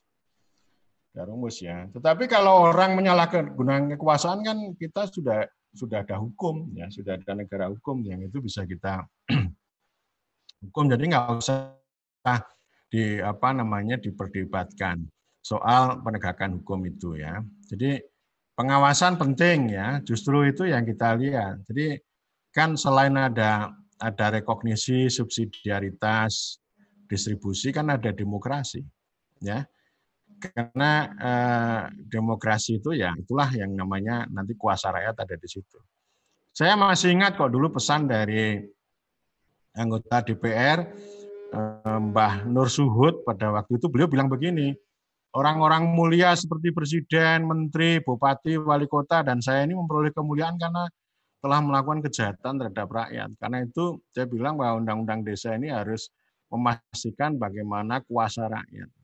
Jadi kuasa rakyat itu diwujudkan dengan banyak hal, dengan BPD, dengan musyawarah desa, dengan partisipasi langsung kan gitu. Jadi kita buat dan itu ciri khas desa kok. Di mana-mana meskipun dengan kelembagaan dan sebutan yang berbeda-beda yang namanya musyawarah itu ada. Dan musyawarah itu ruang politik itu. Jadi jangan sampai misalnya yang teknis itu mendahului politik ya. Jadi politik dulu baru teknis. Dan eh, kalau pemerintah sudah memberikan pengakuan penghormatan itu diikuti dengan kepercayaan jadi kalau nggak percaya ya percuma Akhirnya kan nanti ngasih uang dalam bentuk proyek yang dikendalikan dan itu tidak akan membawa perubahan apa pun karena uang lalu jadi tujuan. Jadi bukan sebagai hak, bukan sebagai kesempatan tetapi sebagai tujuan. Jadi repot. Nah, saya selalu menyarankan pemerintah ini perlu melakukan edukasi dan pelayanan. Mengedukasi desa itu penting ya. Jadi bukan bukan apa namanya campur tangan dengan regulasi yang sangat detail itu tidak akan membawa emansipasi. Jadi eh, cuci tangan itu jauh lebih baik daripada campur tangan, tetapi yang terbaik adalah uluran tangan. Uluran tangan itu apa? Ya selain membagi distribusi, bukan stimulan tapi hak ya. Kalau stimulan itu kan suka-suka yang berstimulan. Jadi selain mendistribusi ya itu tadi edukasi ya, edukasi ya. Dan kemudian juga proteksi juga gitu. Jadi sekarang ini kan desa banyak dikeroyok orang-orang yang apa namanya pemburu rente atau apalah gitu ya. Jadi itu yang perlu diperhatikan. Matur nuwun. Ya Pak Guru. Halo Pak D, Pak Lurah, ya. saya ini mau selamatan nih. Saya mau selamatan. Oh, iya. Ini kalau sekali lagi, Ya, atau sekali lagi nih Mas Iwan mau nanya enggak? Mas Iwan. Mas Iwan enggak usah. Ya. Mas Iwan enggak usah. Besok lain kali. J, J, Pak Guru. J. Terima J, kasih banyak. Terima kasih banyak, Pak Guru. Nah, nanti kita ketemu di event berikutnya lagi sama TV Desa juga bareng-bareng. Matur nuwun sangat. Nggih. Nggih. Nggih, matur nuwun, matur nuwun. Matur nuwun. Halo, Ra. Ya. Menarik. Iya. Ini kayaknya Mas Iwan perlu bicara juga karena kan selalu mengikuti perkembangan-perkembangan. Jadi ya. apa nih Mas Iwan yang mungkin bisa disampaikan uh, menyangkut agenda tadi amandemen ternyata menghasilkan kata desa yang hilang. Paling tidak Mas Iwan itu kan sering sama Pak Mukowam. Nah. Gitu. Pak oh, Mas Suryo. Ya. Mas Iwan, silakan buka mic-nya. Sudah terbuka. Ya, makasih Mas Suryo, Mas Gatot. Uh, tadi telat 10 menit untuk gabung tapi udah banyak dapat poin dari terutama dari Mas Guru dan tadi ada kawan uh, kawan Bobby tadi juga menyampaikan hal-hal yang penting termasuk poin-poin Mas Suryo juga uh, ini di belakang saya sudah mencatat untuk tentu saja untuk kepentingan kami di desapedia.id dan di teman-teman di DPD RI ya memberikan masukan ke pimpinan Komite 1 DPD RI terutama. Ya. Yang pertama kelihatannya eh, kami ini wait and see ya, wait and see tentang apa yang proses yang akan terjadi di Mahkamah Konstitusi yang akan dilakukan oleh kawan-kawan di dari Parade Nusantara. Karena ini eh, menyangkut soal yang tadi diistilahkan eh, Mas Toro soal dana desa adalah nyawanya dari tubuh desa eh, secara keseluruhan. Nah, karena undang-undang COVID sudah disahkan, jadi saya kira sekarang prosesnya adalah bagaimana melakukan uh, ya kata sebutlah campaign ya, campaign agar nanti itu bisa mempengaruhi uh, keputusan yang akan dilahir, dikeluarkan oleh Mahkamah Konstitusi. Itu satu. Yang kedua uh, mencikapi pembahasan tentang RUU Omnibus Law atau Cipta Lapangan Kerja ya atau uh, masih draft ya ini yang hmm. saat ini sedang dibahas secara maraton oleh tripartit, DPR, DPD, dan uh, pemerintah. Kenapa ini perlu kita sikapi, perlu kita ikuti karena di, di dalamnya juga ada pembahasan tentang desa. Misalnya uh, di, di, ini masih draft lah, tapi tapi oke okay lah kita bisa diskusikan. Uh, di dalam RUU Omnibus Law tersebut uh, pendirian BUMDes itu sepenuhnya menjadi kewenangan pemerintah pusat. Nah, ketika saya mencoba mencari uh, bagaimana penjelasannya di bagian penjelasan itu memang uh, ya hanya disebutkan cukup jelas. Jadi uh, pendirian BUMDes itu saya kira ini menjadi menjadi lagi-lagi menjadi berlawanan dari undang-undang desa.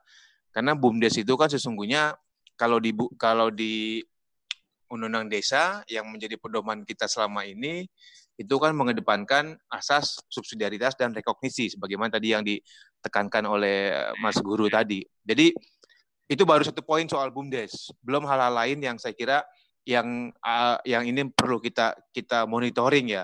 Uh, karena ada kepentingan dengan dengan masa depan desa di Undang-Undang Omnibus RU Omnibus Law dan proses MK yang ini juga akan menjadi uh, apa ke kepentingan kita untuk melihat bagaimana ke depannya pelaksanaan dana desa sebagai tentu saja amanat dari eh, undang-undang desa. Saya kira itu itu uh, poin saya Mas Gatot, Mas Suryo yang baik yang mungkin bisa pemantik diskusi singkat sebelum berakhir uh, pagi ini. Terima kasih. Menarik itu luar biasa itu yang apa uh, cipta kerja ya, yang apa uh, ya. Bumdes Bumdes kewenangannya ada di pusat itu artinya bahwa membentuk BUMDes harus dari pemerintah pusat atau gimana Mas? Yang sempat di iya. yang sempat dibaca dari draft itu. Iya, jadi dalam dalam draft RUU Omnibus Law itu hmm. izin pendirian BUMDes itu diambil alih oleh pemerintah pusat. Nah, ini yang yang nyaris tak terdengar di, di publik wacana ini. Wah, luar ah. biasa. Ini ini perlu perlu kita kita perlu bedah secara khusus ini Mas. Waktu tinggal 30 menit nggak dapat kita membedah yang nggak dapat. Karena yeah. karena ide Bumda sendiri pun sebenarnya kalau kita melihat ini kan sebenarnya kalau kalau melihat kesejarahannya ya yang saya saya sempat ikuti sebenarnya kan sebelum ada koperasi unit desa dulu itu ada namanya Badan Usaha Unit Desa BUUD Inilah yang kalau saya melihatnya agenda agenda BUMDes itu sebenarnya agenda pengulangan dari apa yang sudah uh, pernah dilakukan di era Orde Baru. Badan Usaha Unit Desa, kemudian ada KUD, akhirnya Badan Usaha Milik Desanya yang hilang, kan gitu. Kemudian KUD yeah. diperkuat dengan banyak apa banyak support dari pemerintah, tetapi pada akhirnya di situlah jadi apa kapitalis lokal desa ini menjadi penguasa koperasi unit desa kan gitu. Nah, ya. kemudian berikutnya apa bergulir lagi uh, tentang badan usaha milik desa di uh, undang-undang apa di peraturan pemerintah uh, 72 kalau nggak salah itu ada juga ya. disebut dan itu juga sudah mulai dijalankan. Nah, sampai di undang-undang desa ini sebenarnya kan semangatnya adalah ya apa kalau di uh, badan usaha milik pemerintah kalau di pusat ada BUMN, ada ya. di provinsi ada BUMD, BUMD, maka di desa ada BUMDes. Tetapi memang ini yang kemudian menjadi catatan kecil adalah di Undang-Undang Desa sendiri memang pendiriannya hanya berdasarkan apa uh, surat apa uh, peraturan desa sementara tata urutan perundangan peraturan desa itu kan sudah tidak ada nilainya ketika sudah ada apa perubahan di apa uh, tata urutan uh, perundang-undangan. Kalau tata urutan perundang-undangan sebelumnya kan ada di level paling bawah itu peraturan desa apa setelah peraturan daerah. Tapi uh, tata urutan perundangan itu dirubah peraturan desa itu sudah nggak ada di struktur itu. Nah, ini yang kemudian memang BUMDes sendiri jadi kelaminnya nggak jelas kan gitu antara organisasi ya. sosial organisasi uh, bisnis atau apa karena memang tidak diakui uh, di dalam apa badan hukum usaha secara badan hukum oke okay, tapi badan hukum usahanya mungkin bermasalah karena bukan apa uh, tidak masuk PT, tidak masuk CV, tidak masuk koperasi dan seterusnya. Hmm. Nah, BUMDes ini menarik luar biasa dan tambah menarik lagi tadi Mas Iwan menyampaikan itu karena koperasi di teman-teman koperasi juga berpikir bumdes itu berbentuk koperasi kan ya Iya. saya nggak ngerti saya yang terlalu bodoh atau gimana tapi kan beda antara koperasi apalagi kalau kemudian nanti kita kita kembali ke undang-undang perlindungan petani itu ada badan usaha milik petani Hmm. apakah badan usaha milik petani harus berbentuk koperasi? Enggak juga. Teman-teman ada juga yang mem- membuat badan usaha milik petani itu dalam bentuk perseroan kan gitu. Nah ini yang yang jadi khusus kayaknya ini sama Desa Pedia perlu kolaborasi. Karena isu-isunya pasti lebih lebih oke. Kan kita bisa bisa agendakan khusus mungkin seminggu sekali di Sap- di Sapedia Forum di TV Desa. Kita live di dua satelit Mas, ada di Merah Putih, ada di apa? Eh, Nusantara satu. Kita juga ama ada di aplikasi. Jadi Insya Allah ketika membedah sesuatu di forum apa TV Desa, ah, audiens akan apa eh, jadi lebih teredukasi teman-teman di desa-desa yang nggak dapat sinyal TV terestrial, dia Mm-mm. per- rata-rata pakai parabola yang gede, itu apa bisa menangkap siaran kita. Tapi menarik Mas Iwan itu tadi Iya. apa graf itu luar biasa itu. Bumdes ditarik Iya. perizinannya ke pusat terus koyo ngopo ceritanya. Mbak Jauh Lurah sekali. mau berkomentar apa nih yang Iya. yang yang punya gini, ini gini. pojok desa? Monggo Mas, Mas Iwan. Itu betul, betul itu harus ada satu session khusus sama Desa Pedia, terutama masalah tadi. Cuma ini ada teman yang bergabung juga dari Malang, Mas Fit. Selamat datang Mas Fit, Mas Mas Pit, dari Pendopo Kembang Kopi Malang nih. Ada baru gabung monggo. juga. Kemudian tadi yang Ketua Polosoro Pak Guyupan Kepala Desa Purworejo agak agak kurang bagus sinyalnya kelihatannya Pak Dwi Darmawan itu mungkin ada teman-teman lain yang mau bertanya bertanyanya ke Pak Surya atau ke Pak Iwan aja deh gitu. Siapa? Dwi? Dwi, eh, udah, udah, udah. Monggo, saya buka. Mas Dwi udah dibuka silakan.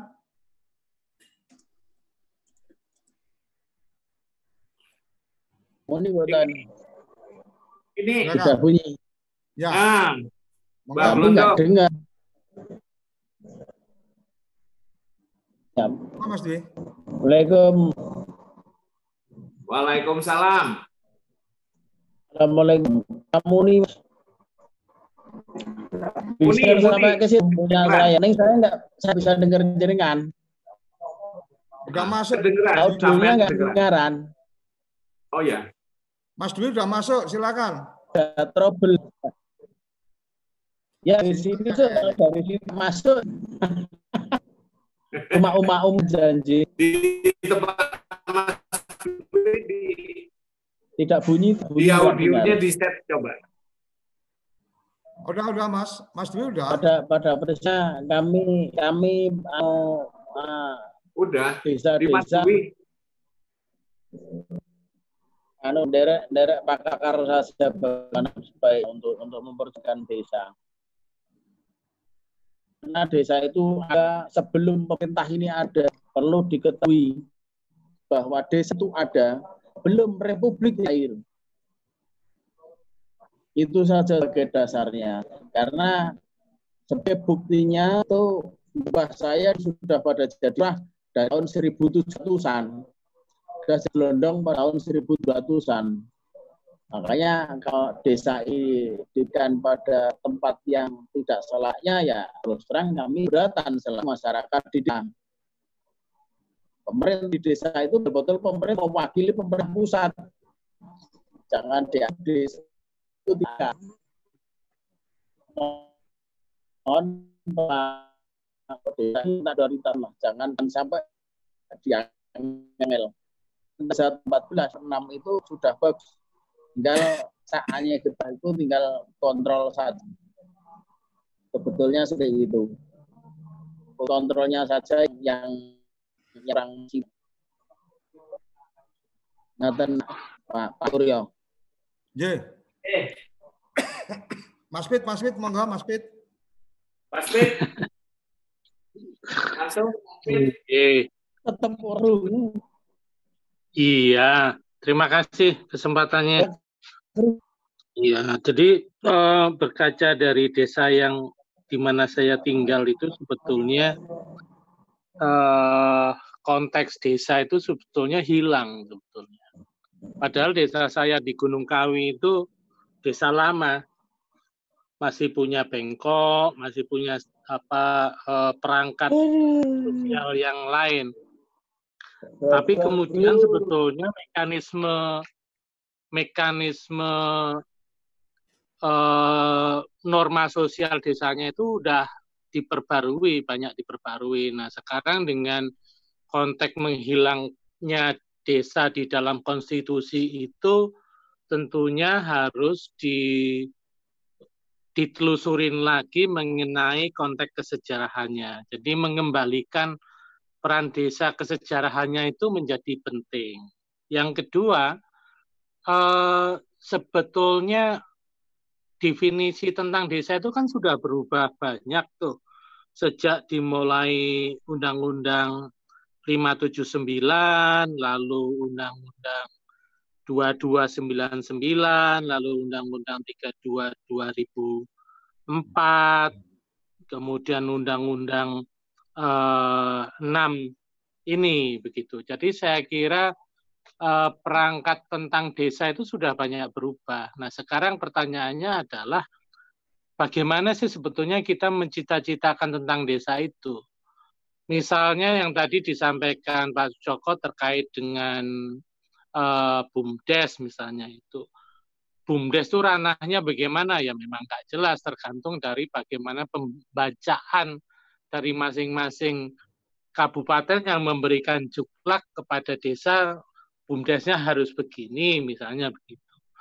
Di tempat saya di desa saya di Gunung Kawi ini juga uh, memandatorikan adanya BUMDes, tapi yang nggak tahu bagaimana cara mengembangkan BUMDes.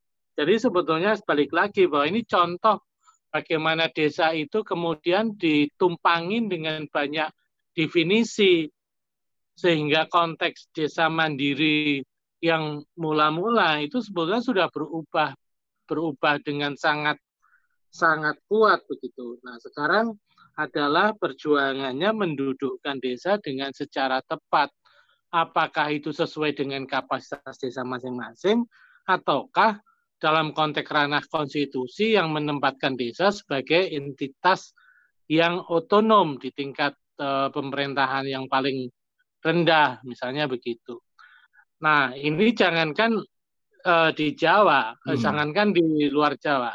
Sorry, ini di Jawa seperti itu, apalagi di luar Jawa yang sebetulnya konteks desa itu malah sebetulnya tidak ada. Misalnya di Kalimantan yang kehadiran orang-orang Jawa yang ikut transmigran atau berpindah secara sukarela itu juga sekarang ini kondisinya juga nggak jelas itu konteks struktur pemerintahan desanya. Itu saya gambarkan seperti itu karena yang saya amati, yang saya temukan seperti itu. Jadi apa yang eh, kami dorong di sini dari teman-teman Dial di Pendopo Kembang Kopi mendorong kira-kira konteks desa yang sebenarnya harus dikembangkan tuh gimana? Misalnya semalam ketika uh, ada pertemuan 17-an itu menarik. Ada pertanyaan sebetulnya kasun itu apa sih fungsinya? lalu ada pertanyaan bagaimana sih fungsinya RT RW itu kenapa ada di desa? Apa bedanya Kasun dengan uh, eh, RT RW? Lalu bagaimana perangkat uh, apa perangkat desa yang lain ber berperan itu?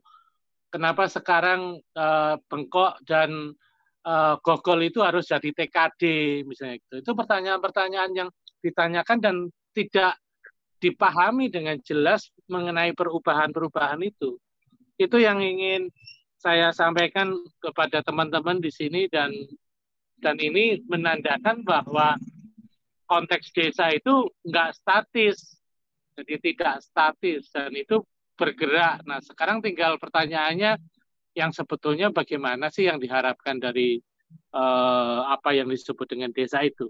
Terima kasih, itu yang ingin saya sampaikan. Saya kembalikan ke teman-teman. Ya, Mas Iwan, Mas Iwan mungkin bisa memberikan ini. Mas hmm. Iwan lebih lebih banyak mendengar dari para para tokoh-tokoh ini memandang desa. Sebenarnya kayak apa Mas Iwan? Halo Mas Iwan. Ya. Ya, Mas Suryo. Oke. Wah. Uh, salah itu kalau dibilang sering dengar tokoh itu. Eh, kan berteman dengan banyak tokoh itu kan kemudian bisa menyaring oh sebenarnya kayak gini. Habis ini ada Mas Heri nanti juga akan bicara. Apa Mas Iwan? ya, per, satu hal ya, um, perspektif saya tentu saja um, dari sudut pandang kawan-kawan di Senayan di parlemen, terutama kamar DPD RI. Ya. Nah, di DPD RI ini sesungguhnya cukup panik ketika melihat banyak sekali perubahan drastis akhir-akhir ini eh, perlakuan apa pemerintah kepada desa atau yang tadi diistilahkan eh, Mas Toro itu tidak ada kejelasan sikap politik pemerintah dan parlemen terhadap desa.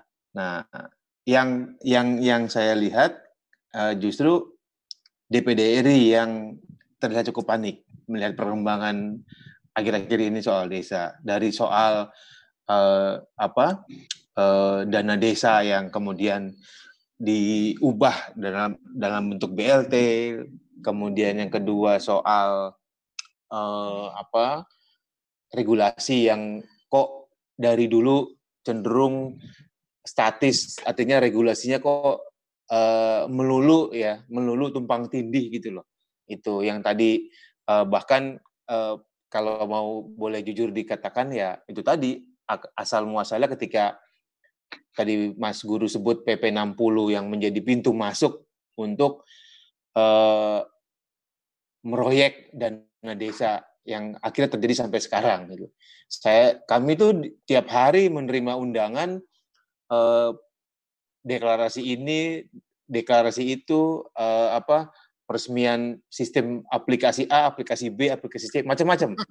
Eh, sementara lagi diskusi ini aja saya terima dari teman-teman di saya nggak perlu nggak perlu sebut lah, tapi teman-teman komunitas di Bandung yang punya aplikasi biasalah sistem keuangan, sistem keuangan bumdes, sistem akuntansi desa dan sebagainya.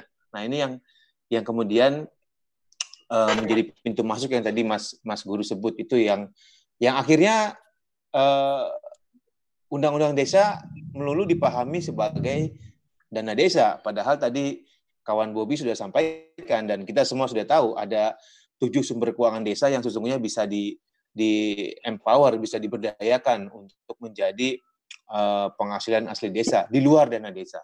Nah, tapi kan dana desa adalah itu amanat yang yang yang yang memang itu menjadi tanggung jawab desa untuk digunakan untuk memakmurkan rakyatnya.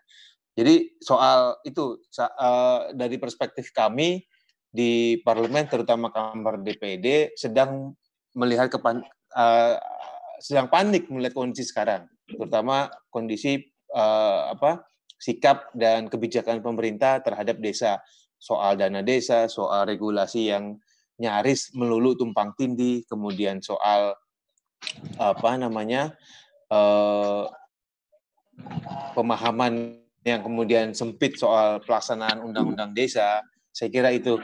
Itu itu uh, yang yang saya lihat dari dari saya bisa me, menghimpun beberapa masukan ya dari teman-teman eh, di, di di di parlemen terutama kamar DPD RI. Nah, yang terakhir ya ya itu tadi yang tadi kita bahas soal izin pendirian BUMDes yang akan ditarik ke pemerintah pusat yang ini muncul di dalam draft uh, eh, RUU Cipta Kerja. Nah, saya sih berharap saya sudah sering dikontak sama teman-teman asosiasi pemerintahan pemerintah desa ya baik itu ya semua abdesi yang rencana akan turun ke jalan ya saya mau nitip isu ini saya menitip isu ini soal izin pendirian BUMDes. Nah, kalau perlu 25 Agustus kan teman-teman buruh di bawah komando apa Said Iqbal dan Andi Ganiwaya saya dengar mau turun lagi men mensikapi soal cipta kerja. Ya mungkin bisa bareng lah sama teman-teman perangkat desa kalau kalau ini didengar oleh Mas Sudir ya untuk untuk uh, juga uh, membawa aspirasinya ke parlemen yang lagi ngebut ngebahas uh, cipta kerja terutama hal-hal yang berkaitan dengan desa. Saya kira itu Mas Suryo. Oke. Mas Uh, tadi ada Pak Lurah. kita, kita ini Mas Heru, Mas Heri, Mas Heri, silakan Mas Heri. Mas Heri, Mas Heri monggo Mas Heri. Oke, Assalamualaikum warahmatullahi wabarakatuh. Waalaikumsalam. Oke, Matur nuwun Pak Suryo kali Pak Lurah Gatot kalau walaupun dilebetaken teng acara mriki. Kula asli Malang aja nih, Pak. Tapi kula tugas teng Entikong niki teng perbatasan RI Malaysia. Dibuka Nah, niki tadi jelas. oh nggih. Oh, iya. Kula asli Malang, Pak. Tapi kalau tugas teng Entikong nggih kalau wau pas mireng gawe Pak Pit mau pas ngomong Gunung Kawi nggih salam kenal kula napa bojo kula nggih teng Gunung Kawi Pak sumber tempur.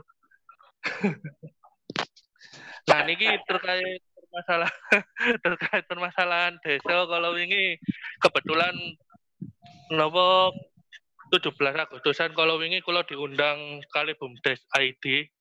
Nah niku nggih bicarakan terkait permasalahan desa. Kebetulan yang diundang adalah 75 BUMDes yang ada di Indonesia mulai dari Sabang sampai eh, Merauke juga. Nah, di situ ada beberapa perwakilan-perwakilan BUMDes itu yang menjelaskan banyak sekali permasalahan-permasalahan yang terjadi yang kebetulan juga saya dengarkan di grup ini tadi hampir sama dan serupa seperti apa yang dikeluhkan oleh eh, rekan-rekan yang ada di BUMDes terkait dengan masalah eh, undang-undang yang memang saat ini dirasa masih belum jelas dan semakin ambigu bahkan semakin rancu. Karena saya melihatnya BUMDes ini sekarang ini eh, banyak sekali yang menarik Pak. Artinya sebagai kayak sebagai gadis cantik yang diperebutkan oleh kumbang-kumbang. Artinya kumbang-kumbang di sini ini banyak pihak-pihak baik instansi yang terkait entah itu dari Kementerian Desa itu sendiri, Kementerian Pariwisata, atau bahkan kerja eh, dengan instansi-instansi lainnya yang kepingin untuk eh, menarik BUMDes itu. Misalnya saja mungkin kalau dari Kementerian Desa dan Tertinggal itu terkait dengan adanya eh, pihak dana desa dan lain-lain sebagainya. Kemudian dari pihak pariwisata yang ingin mengembangkan sektor desa pariwisata, Kem- kemudian Pok Darwis itu sektor kelompok sadar wisata dan lain-lain sebagainya. Nah ini dari pihak BUMDes itu apa ya menurut saya itu sebenarnya bagus, cuman hanya saja kok malah saya melihatnya perihal-perihal semacam itu malah membuat ya bahasanya ya kayak semacam eh, bingung gitu loh dan malah menjadi semakin vakum. Nah, BUMDes BUMDes itu juga ada juga kemudian yang dari Kementerian Koperasi juga dan lain-lain sebagainya tapi saya melihatnya malah ini apa dalam artian banyak program yang ada tetapi kok kenapa justru eh, semakin BUMDes itu semakin saya melihat ya ada yang saya lihatnya bagus karena baru kemarin-kemarin itu vakum kemudian dengan adanya program-program yang ada itu geliatnya itu ada itu loh. Hanya terjadi permasalahan salah satunya itu kemarin yang saya bicarakan itu terkait perizinan. Nah, kemarin sempat kita bicarakan juga bahwasannya BUMDes-BUMDes kan disuruh untuk mandiri, untuk eh, berdaya apa ya mandiri karena tidak bisa bergantung kepada program-program ataupun anggaran-anggaran yang ada di pemerintah. Kebetulan saya juga mantan tenaga ahli Kementerian Koperasi UMKM juga mendampingi teman-teman UMKM yang ada di sini juga untuk eh, sama-sama mensinergiskan desa-desa mereka. Cuma terkendalanya adalah masalah perizinan, Pak. Di sini perizinannya ya seperti itu.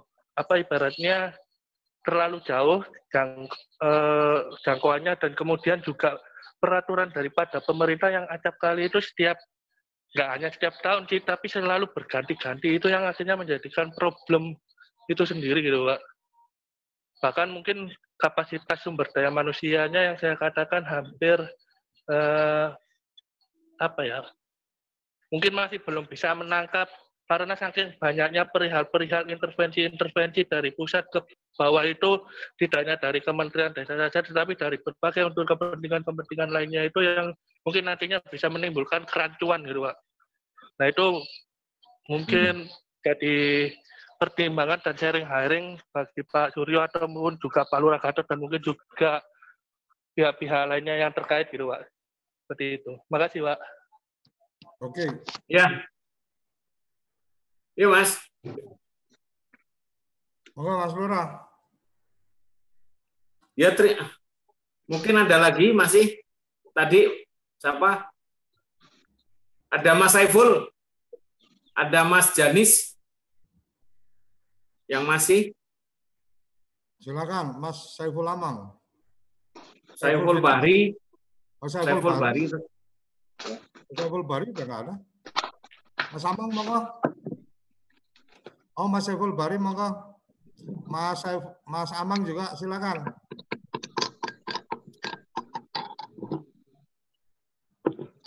Mas Amang. Ya, baik. Assalamualaikum.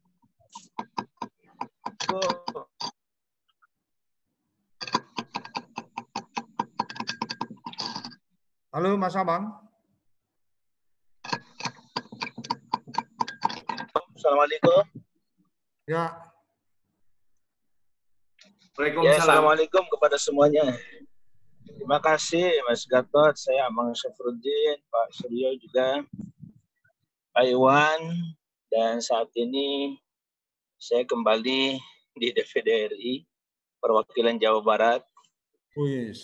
Dengan Pak Sutoro Eko, kita sempat di 2009 sampai 2014 kita bersama-sama merumuskan RUU Desa versi DPD yang sangat-sangat ya, Pak. baiklah insya Allah. Jadi kalau tadi Salam. Bang Iwan ya atau Mas Iwan menyampaikan bahwa memang betul DPD terutama Komite Satu kita sangat gelisah ya dengan uh, perubahan perundang-undangan yang luar biasa cepat terutama akhir-akhir ini di PPU juga sedang dibahas tentang uh, eh, RU BUMDes itu yang terus terang saja dengan adanya omnibus law sudah barang tentu itu menjadi persoalan tersendiri. Apalagi kalau omnibus law itu konsentrasi uh, regulasinya memang lebih kepada bagaimana memberikan jalan jalan tol ya atau jalan yang sangat mulus untuk para investor yang sudah barang tentu tidak terkecuali di kawasan desa yang nanti akan menjadi salah satu objek daripada investasi nantinya. Oleh karena itu ya untuk semuanya eh, kita sangat berharap atau kami dari DPD paling tidak sangat berharap supaya omnibus law itu mendapat perhatian yang lebih serius lagi dari kita yang insya Allah sangat mencintai desa dan ingin desa itu menjadi sebuah miniatur negara yang kita cintai bahwa negara ini sangat-sangat kita sepakati insya Allah bisa dibangun secara baik dan sejahtera itu justru mulai dan dengan kekuatan desa itu. Barangkali itu untuk sementara Pak Suryo, Pak Iwan, dan juga Pak Gatot yang bisa saya sampaikan sekitar sharing. Terima kasih atas perkenalkan saya di bisa memperkenalkan diri di forum ini.